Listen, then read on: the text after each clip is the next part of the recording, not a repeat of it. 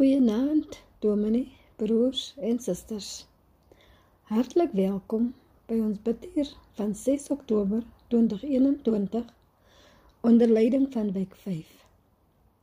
Mag die Gees van die Here op 'n besondere manier vanaand met u praat en mag u aangeraak word deur God se liefde en vrede. Kom ons begin ons diens deur saam te bid.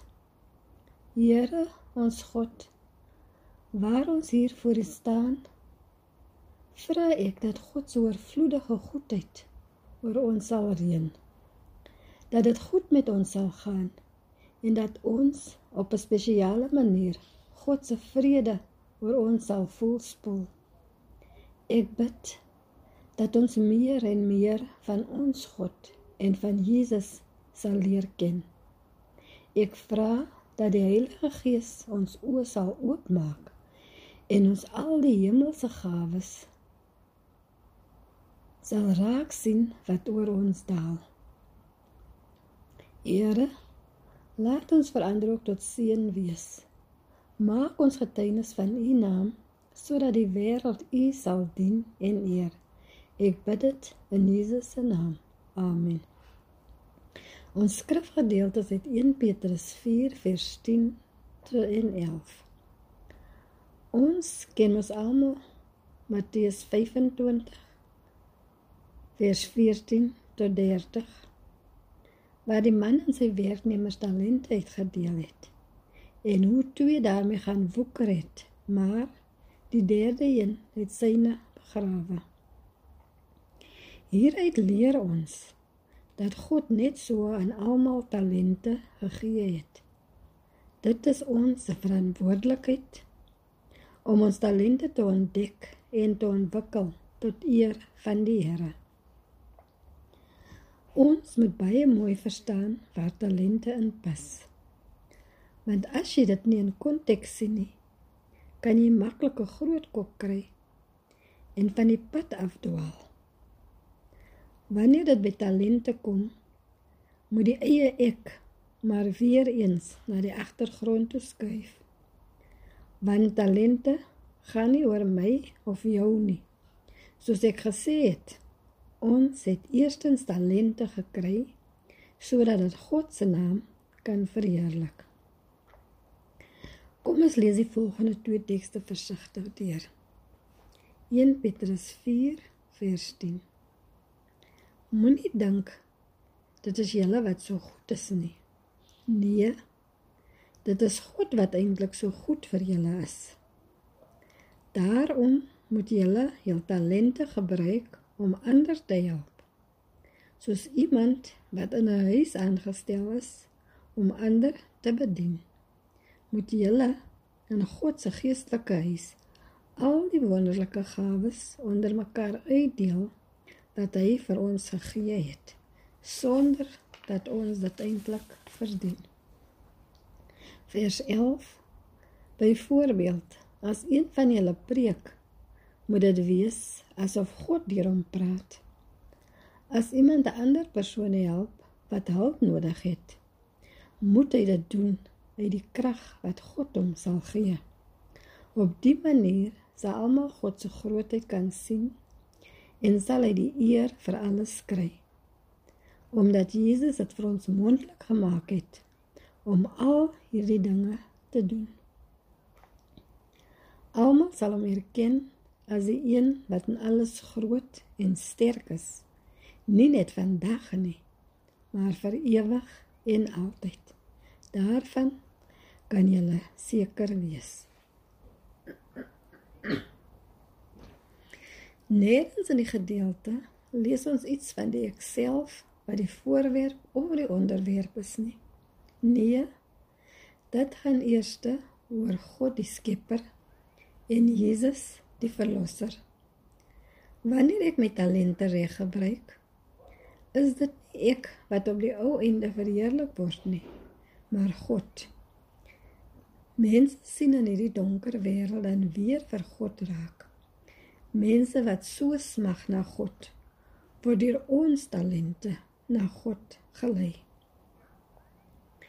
Dalk is dit die rede hoekom baie van ons nog nie presies weet waar ons talente lê of hoekom dit nog nie geïmplementeer is nie. Daar is baie celebrities wat hulle talente net vir eie gewin en eie sak gebruik. En die sad storie van dit alles is dat baie van hulle pad af is. Hoeveel van hulle sukkel nie met mislukte verhoudings nie? Hulle trek van die een reepsente na die ander. Sommige pleeg selfs selfmoord. Hoekom? Omdat hulle self die middelpunt van hul gawes is, is dit te veel om te hanteer. Ons gawes is gemaak ter ere van 'n koning. Ons mensies is te min om soveel eer te hanteer en dit sal dus op die ou end ons dood beteken. Dit klink rof, nee, maar onthou tog dat God die skepper is van jou talent. Ja, jy het dalk hard geoefen en baie tyd daaraan bestee, maar God is steeds die een wat dit vir jou gegee het. In die tweede plek is ons toegerus met talente sodat ander mense daarby baat kan vind. God weet daar is mense wat van tyd tot tyd 'n bietjie hulp gaan nodig het.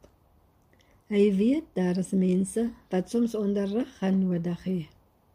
Hy weet dat mense mal is oor musiek en flieks en ontspanning. Dit is hoe hy hulle gemaak het. Daarom sit hy gawes in mense om juis die ander se dors te les. As jy jou gawes dis in 'n tas pak en onder die bed inskuif, moet jy weet wat die gevolge gaan wees. Eerens is daar iemand wat dors is. En die ergste is dat mense kan doodgaan van die dors. Dit het tyd geword dat ons oopmaak vir die geklop aan die deur. Maak oop die tas en haal jou talente uit. Miskien dink jy dit is nie veel werd nie. Miskien dink jy dat daar baie ander is wat dit nog in ieder geval dit tog in ieder geval doen. Miskien wonder jy of dit enige impak gaan hê. Moenie toelaat dat daar 'n rat voor jou oë gedraai word nie. God het die gawes vir ons gegee om te ontwikkel, om spiere te kry sodat ander gehelp kan word en dat sy naam daardeur verheerlik kan word. Tog gaan dit nie altyd net oor God en oor ander mense wat geëer en geroer word nie. Nee. Aan die einde van die dag kan ek self nie ongeroer staan nie.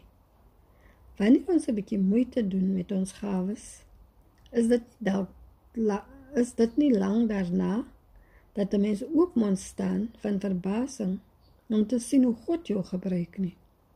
Ons moet net die seil van ons gawe bootjie vol lewenswater in die lug opstoot. Dan kom die Heilige Gees en blaas om met spoed na die mense wat dors is. Kan ek weer ernstig vra dat ons ons tas daar onder die bed sal uitgrawe? en dat ons so 'n bietjie moeite sal doen. Daar is mense daar buite wat lankal vir ons staan en wag sodat God se naam in groot vet letters oral oor geskryf kan word. Kom ons vra vanaand vir onsself, wat is my talente? Hoe kan ek dit gebruik om ander te help? Waar kan ek dit gebruik? om ander te help. Amen. Dankie Here dat U ons elkeen toegerus het met verskillende gawes om ander te dien. Help ons om te besef dat ons 'n verantwoordelikheid het om ons gawes te gebruik om U koninkryk uit te brei. Maak ons so oop sodat ons dat ons in nood kan raak sien.